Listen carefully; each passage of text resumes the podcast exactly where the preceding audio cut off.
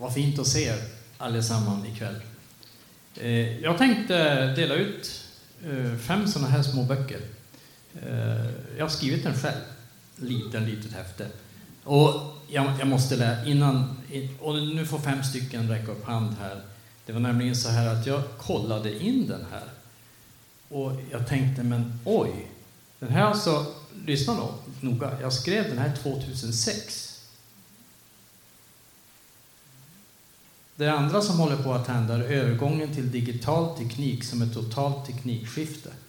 Det kommer inom den närmaste 5 till 10 årsperioden innebära minskade kostnader för framställning av alla typer av media.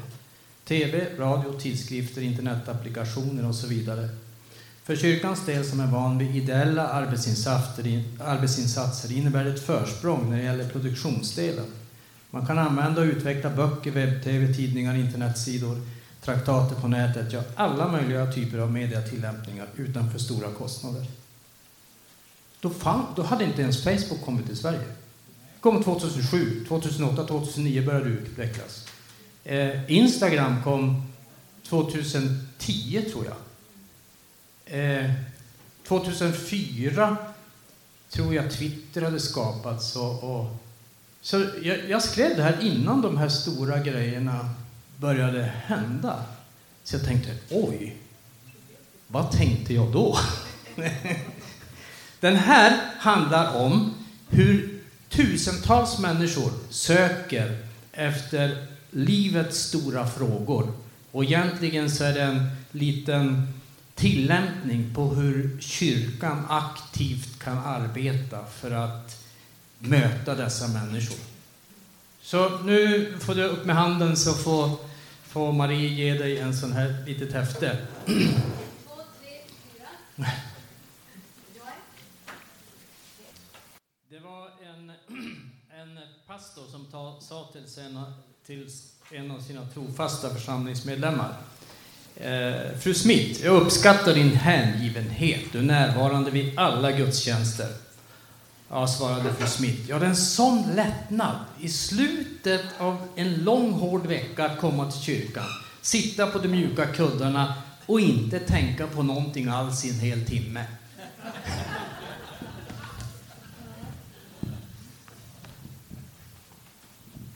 Så ska vi inte göra nu. Jag tänkte vi ska koncentrera oss på budskapet i Johannes 6. Eh, det är en intressant eh, det är en intressant berättelse i, egentligen två berättelser där i Johannes 6. Och det börjar, kapitlet börjar med att eh, Jesus mättar 5000 män. Eh, det hade kommit hit massor med folk, de var hungriga. Och så ser, ser man det, och Jesus han ser att det här, den här hungern finns där. Och nu ska vi se om, eh, innan vi fortsätter, om det gick att få upp den där, eh, den där bilden från Facebook intern. Jaha, det var den där. Interna. Ja, ja, okej. Okay. Mm. Eh, jo, den här, den här, Jesus han, han eh, såg det här och fråg, säger till lärjungarna eh, vi måste ge dem mat. Och han, eh, när Jesus eh, lyfter blicken så säger han, var ska vi köpa bröd så att de får något att äta? Det sa han för att pröva honom. Själv visste han vad han skulle göra. Och så kommer ni ihåg kanske den lilla berättelsen om den här pojken som hade fem kornbröd och två fiskar. Och så välsignar, välsignar Jesus det här och det räcker till alla de här. Tänk vilket fantastiskt under som Jesus gjorde då. Och du har säkert varit med om det vid ett tillfälle att Jesus har gjort någonting. Han har gjort, gjort under. Eh, I en skolklass så var det en liten eh, kille som satt och fröken hon talade om, eh, hon berättade från Nya Testamentet och så säger hon, kan man verkligen tro på under? Tänk att någon kunde förvandla vatten till vin. Det är ju helt omöjligt, säger fröken. Eller vad säger du? Och så pekar hon på den där killen. Hon visste att han var, kom från en kristen familj. Då säger den killen, ja, jag var inte där då. Så jag vet inte. Men Hemma har vi varit med om under. Det är nämligen så att där har whisky förvandlats till bröd. Min pappa har blivit en helt annan person sedan han fann Jesus. Och det händer under efter under i människors liv när Jesus kommer in, när Jesus får tag på människor. Och det är det som vi möter i den här texten. Jesus han, han utvecklar det här. När, eh, när det här undret har hänt så eh, förstår Jesus att de med våld ska göra honom, vill göra honom till kung. Så han smiter från alltihop. Och eh, lärjungarna, när de ger sig iväg därifrån, så står det att de ser det är mörkt och Jesus hade fortfarande inte kommit. Men när de har kommit en halv mil ut fick de se Jesus komma gående på vattnet. Och sen så eh, har vi på andra sidan sjön, så kommer människorna dit. Och då möter vi de här orden som jag tänkte är liksom själva fokus för, för texten i predikan. Jesus han säger så här. Jag är livets bröd. Den som kommer till mig skall aldrig hungra och den som tror på mig skall aldrig någonsin törsta. De hade kommit dit för att Jesus säger, ni har kommit hit för att få vanligt bröd. Ni, ni blev mätta när jag bespisade er. Men jag är livets bröd. Den som tror på mig skall aldrig någonsin hungra och skall aldrig någonsin törsta. Och det var, sen möter vi det här i slutet på, på eh, kapitlet, hur Jesus utvecklar det här eh, för de som lyssnar. Att han är livets bröd. Eh, vi vet ju det att eh, för judarna och för många andra kulturer också så är bröd väldigt viktigt. Då var det så att man åt bröd till lunch, kunde man säga, och äta bröd, och så åt man någonting till. Kvällsmålet var någon grönsaksblandning som man doppade bröd i och så åt man. För judarna fanns det i minnet också manna i öknen i 40 år. Det här som kom som ett litet, det var som någonting som man såg på marken och så gick man och plockade det där brödet och det var jätte, jättegott. Man hade ätit det här. Gud hade försett dem med bröd i 40 år. Så diskussionen mellan Jesus och lärjungarna, eller Jesus och de som lyssnar, det blir så här, vem är du? Är du större än, än Mose som gav oss manna i öknen? Det är då Jesus säger de här orden, jag är livets bröd.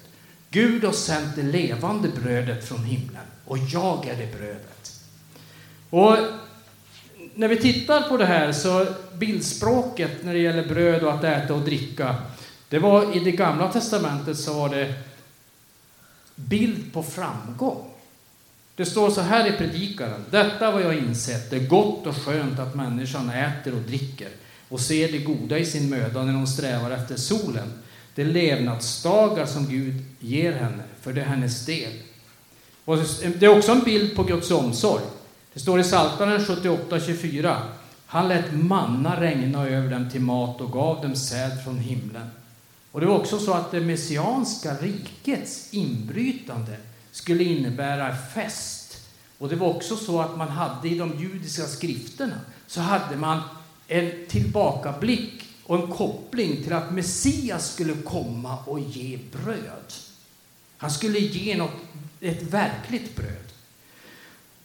Vi, vi har en annan sak också i den här texten som är ganska märklig för Johannes det står så här i den eh, 47-48 versen.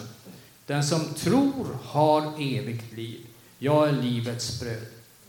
Johannes, det är precis som att han är, han är, han är upptagen gång på gång med att tala om tro. Visste ni det? Johannes han, har, han talar om tro 98 gånger. Den som kommer efter honom, det är Markus. Han har bara 14 gånger. Och då Matteus och Lukas som är längre än, än eh, Johannes evangelium också bara några få gånger. Jag tror det är nio eller elva. Men Johannes, han, har, han talar om tro hela tiden. Och man skulle kunna säga det att det är någonting som är, är specifikt för Johannes. Det är att tron är någonting som tar människan från sig själv och förenar henne med Jesus. Det handlar om att följa Jesus, det handlar om att tro på honom. Det handlar om att bli ett med Jesus. Förbli i mig, så förblir jag er. Så gång på gång så möter vi det här hos Johannes, att det är någonting som är viktigt när det gäller hur människan ser på Jesus och följer honom. Det är därför det blir lite drastiskt där i texten. Jesus han säger den som inte äter mitt kött och dricker mitt blod, han kan inte ha evigt liv. Och det står i slutet på texten i, i kapitel 6 att det var så hårt tal så många som, som gick bort. Så han, Jesus vände sig till lärjungarna, ska också ni gå bort? Nej, säger lärjungarna. Eller Petrus är det som svarar. Du har det eviga livets ord och vi tror och förstår, förstår att du är Guds helige. Så det, var en, det blev en brytning i det här när, när Jesus säger de här orden. Och tron innebar för Johannes del att han pekade på att det var någonting som var absolut viktigt. Och om vi tittar på några tillämpningar av den här texten så är det ju det första, att fylla våra vardagsbehov är inte tillräckligt. Människan har andliga behov. Jesus han säger, ni kom till mig för att ni fick mat. Men jag är livets bröd som har kommit från himlen. Jesus pekar bortom det som är bara det här att fylla de vardagliga behoven. Och jag tror att om, ni, om vi tänker efter lite grann så ser vi det att idag så är det, är det någonting som präglar vårt samhälle. Visste du det? Att en miljon människor i Sverige har på något sätt hållit på med new age, nyandlighet, yoga. En miljon. Det finns överallt och finns det. Det finns företag som har kurser i yoga. Det finns, överallt så finns det här. Man söker någonting. Man vill ha någonting. Man vill, man vill få tag i någonting. Eh, jag och Marie mötte Stig och Marita från Småland vid ett tillfälle. Och Stig och Marita de hade en resa när, som hade börjat någon gång på 90-talet när båda Stigs föräldrar dog. Och Stig berättar, jag började söka. Jag började att söka, eh, man, man, kunde lära sig hitta vatten med slagruta, så han gick en kurs. Sen började de hitta mer och mer i nyandlighet och så började de, eh, Marita gå kurser i reiki healing. Och det ena efter de andra, andra sakerna gick de. Så kommer de in i början på 2000-talet kommer de in på en new age-mässa i Jönköping. Och så står det en tjej där i, vid en monter. Och hon står med en bibel. Det första som händer när de kommer fram till henne det är att hon börjar vittna om Jesus för Stig och Marita. Och de berättar, det var precis som att det var liv som mötte oss. Det hände någonting när vi hörde det här vittnesbördet. Och vi förstod att det är det här, det är det här som är sant. Det vi har sökt är inte det som är sant. Det här är sant. Och de berättar att de tog inte ställning på en gång, men sen så, så efter ett tag så bestämde de sig. Vi ska följa Jesus. De döpte sig. Ja, nu kommer jag inte ihåg hur de gjorde med alla sina skrifter. De slängde dem i sjön. Eller eldade upp dem. De, allting som hade haft med yoga, new age och, och det, det, bara slängde de bort. Marita hade varit gått steg tre reiki healing, lämnade allting. Stig upplevde efter några år så upplever han hur han får ett ryggproblem. Men så upplever han ett litet bönemöte hur Gud helar honom. Och de säger båda två att vi har verkligen hittat det här. Och det är det som vi möter i den här texten. Jesus han pekar på att det är han som är livet. Det är han som är livets bröd. Det är han som ger evigt liv. Det är han som kan möta alla våra behov. Det vi hungrar och törstar efter. Det vi brinner av att få tag på i livet. Allt det kan Jesus möta. Allt det kan han fylla med sin kraft, med sin kärlek, med sin makt.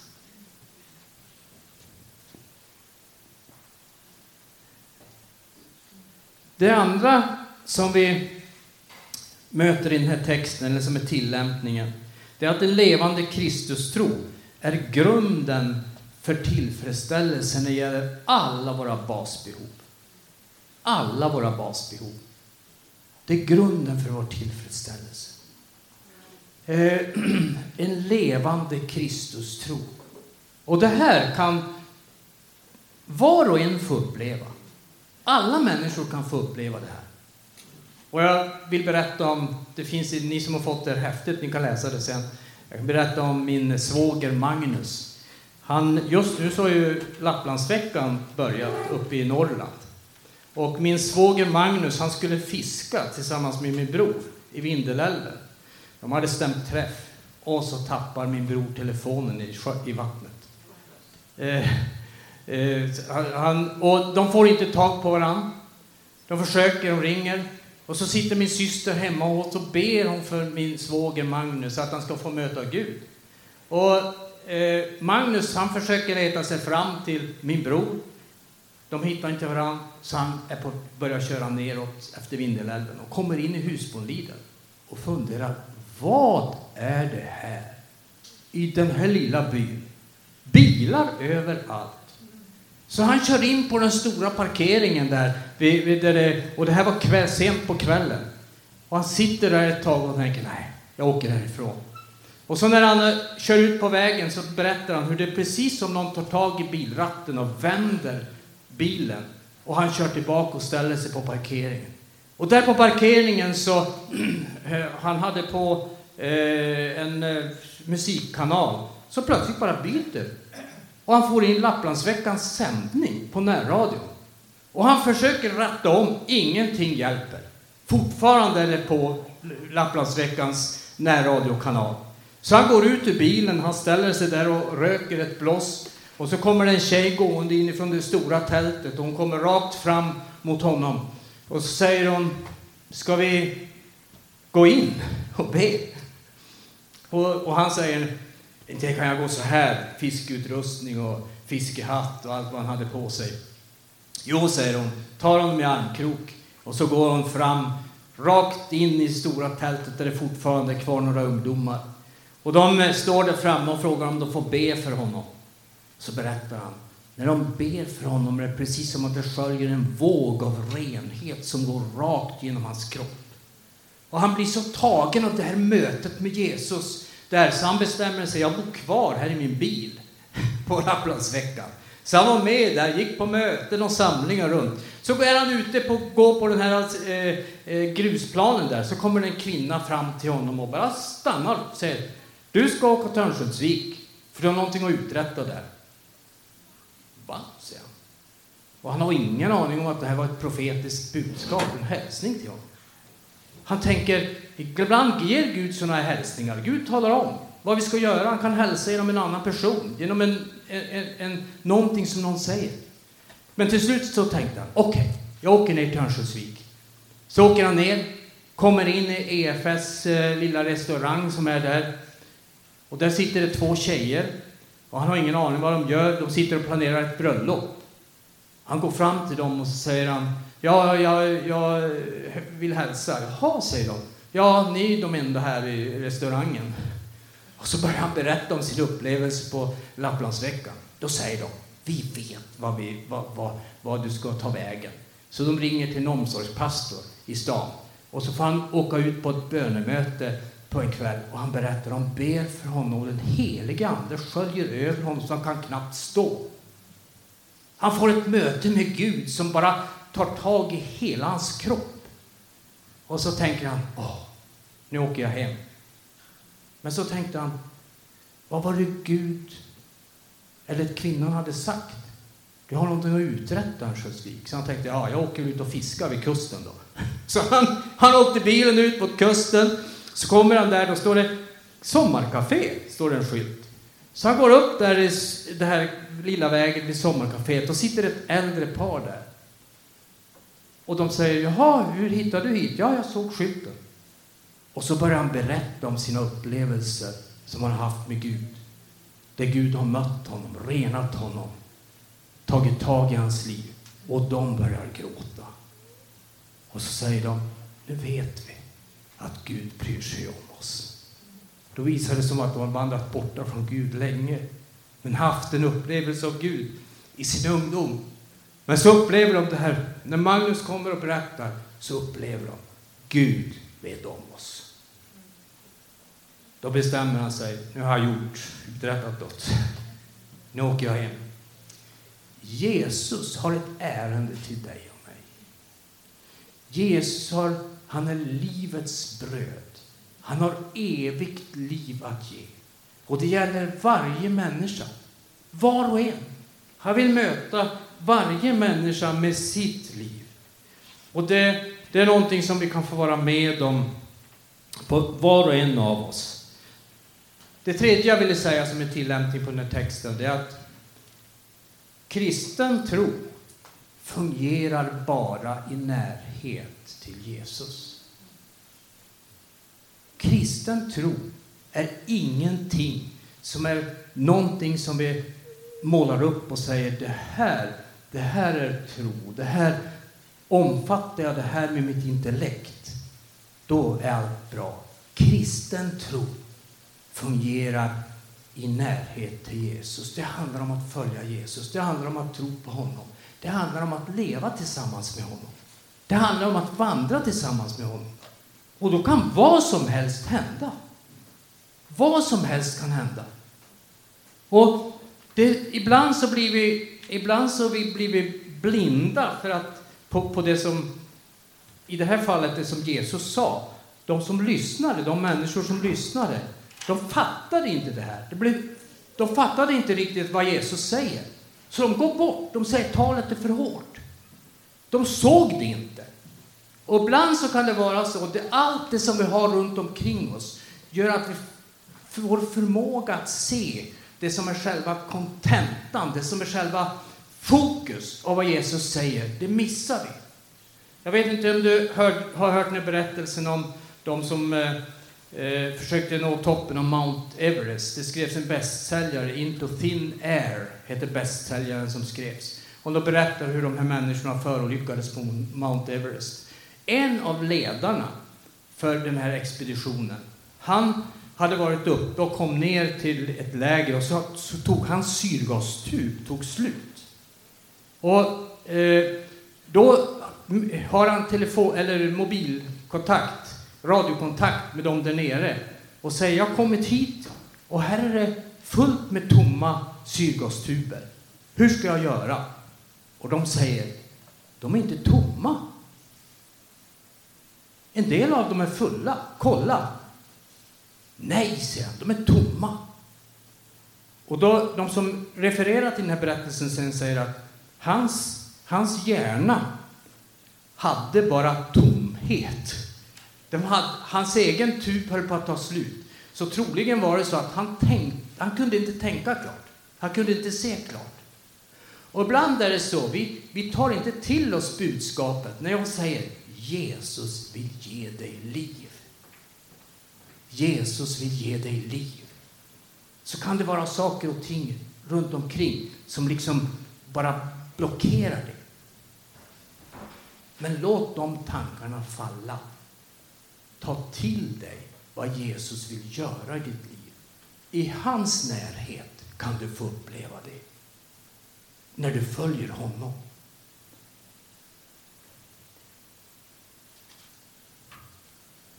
Ska vi se om Fredrik har fått...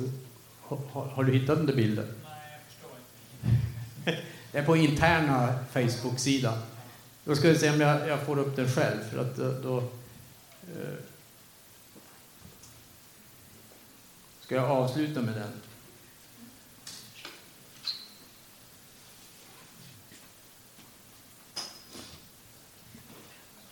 Det var nämligen så att när jag, när jag eh, var ute här och och bad för den här gudstjänsten i, i morse så, så hade jag faktiskt lagt ut en, eh, en bild. Ska vi se. Är det med lampan? Med lampan, ja. Ja, då ska vi se. Ja.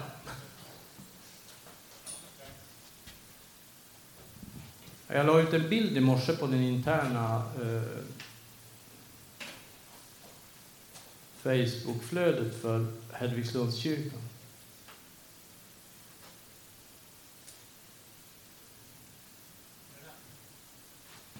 Ja. Och sen var det en liten text till den där, men det kanske eh, vi tittar. Jag kan. Du låter min lampa brinna klart. Herren, min Gud, lyser upp mitt mörker. Och sen är det en text till den som säger så här. Går du genom en mörk period i ditt liv, Gud är ljus och vill lysa upp ditt mörker. Han vill också tända en hoppets låga i ditt inre. Och jag upplevde det så tydligt när jag gick i morse och bad för den gudstjänsten att det här som jag hade lagt ut, det var en profetisk hälsning idag till någon. Någon som upplever mörker. Men Gud, han är ljus och han vill lysa upp ditt mörker. Och han vill tända hopp i ditt inre. Det är det som är själva kontentan i det som vi möter i Johannes 6 det är det att Jesus kom för att ge liv. Och han, kom, han, han är det Guds levande bröd som släcker vår törst och släcker också det som vi kan möta av det som vi känner som behov. Så ta till dig det, ska vi be tillsammans. Tack Herre för att du kom för att ge oss liv. Du kom för att ge oss ett liv som, som flödar över, som, som är fyllt av, av ljus och som fyllt av kraft, Herre. Tack för att du vill låta oss få uppleva, Herre, hur du, du välsignar, du möter och du kommer med din kraft och med din helige Ande. Så ber jag dig för den personen som på ett speciellt sätt upplever mörker. Tack, Herre, för att du, du kan komma med ditt ljus. Du kommer med ditt ljus, Herre. Du kommer med din frid, du kommer med ditt liv, du kommer med din kraft, Herre. Och vi får tro på dig, vi får följa dig. Tack för att det är en, det är en, det är en verklighet, Herre, och vi får vara med om det. Och nu ber jag dig att du ska möta den här personen på ett speciellt sätt. Låt din helige Ande bara lysa upp det inre, lysa upp framtiden, ge hopp och, och skapa något helt nytt, Herre, i Jesu namn. Amen.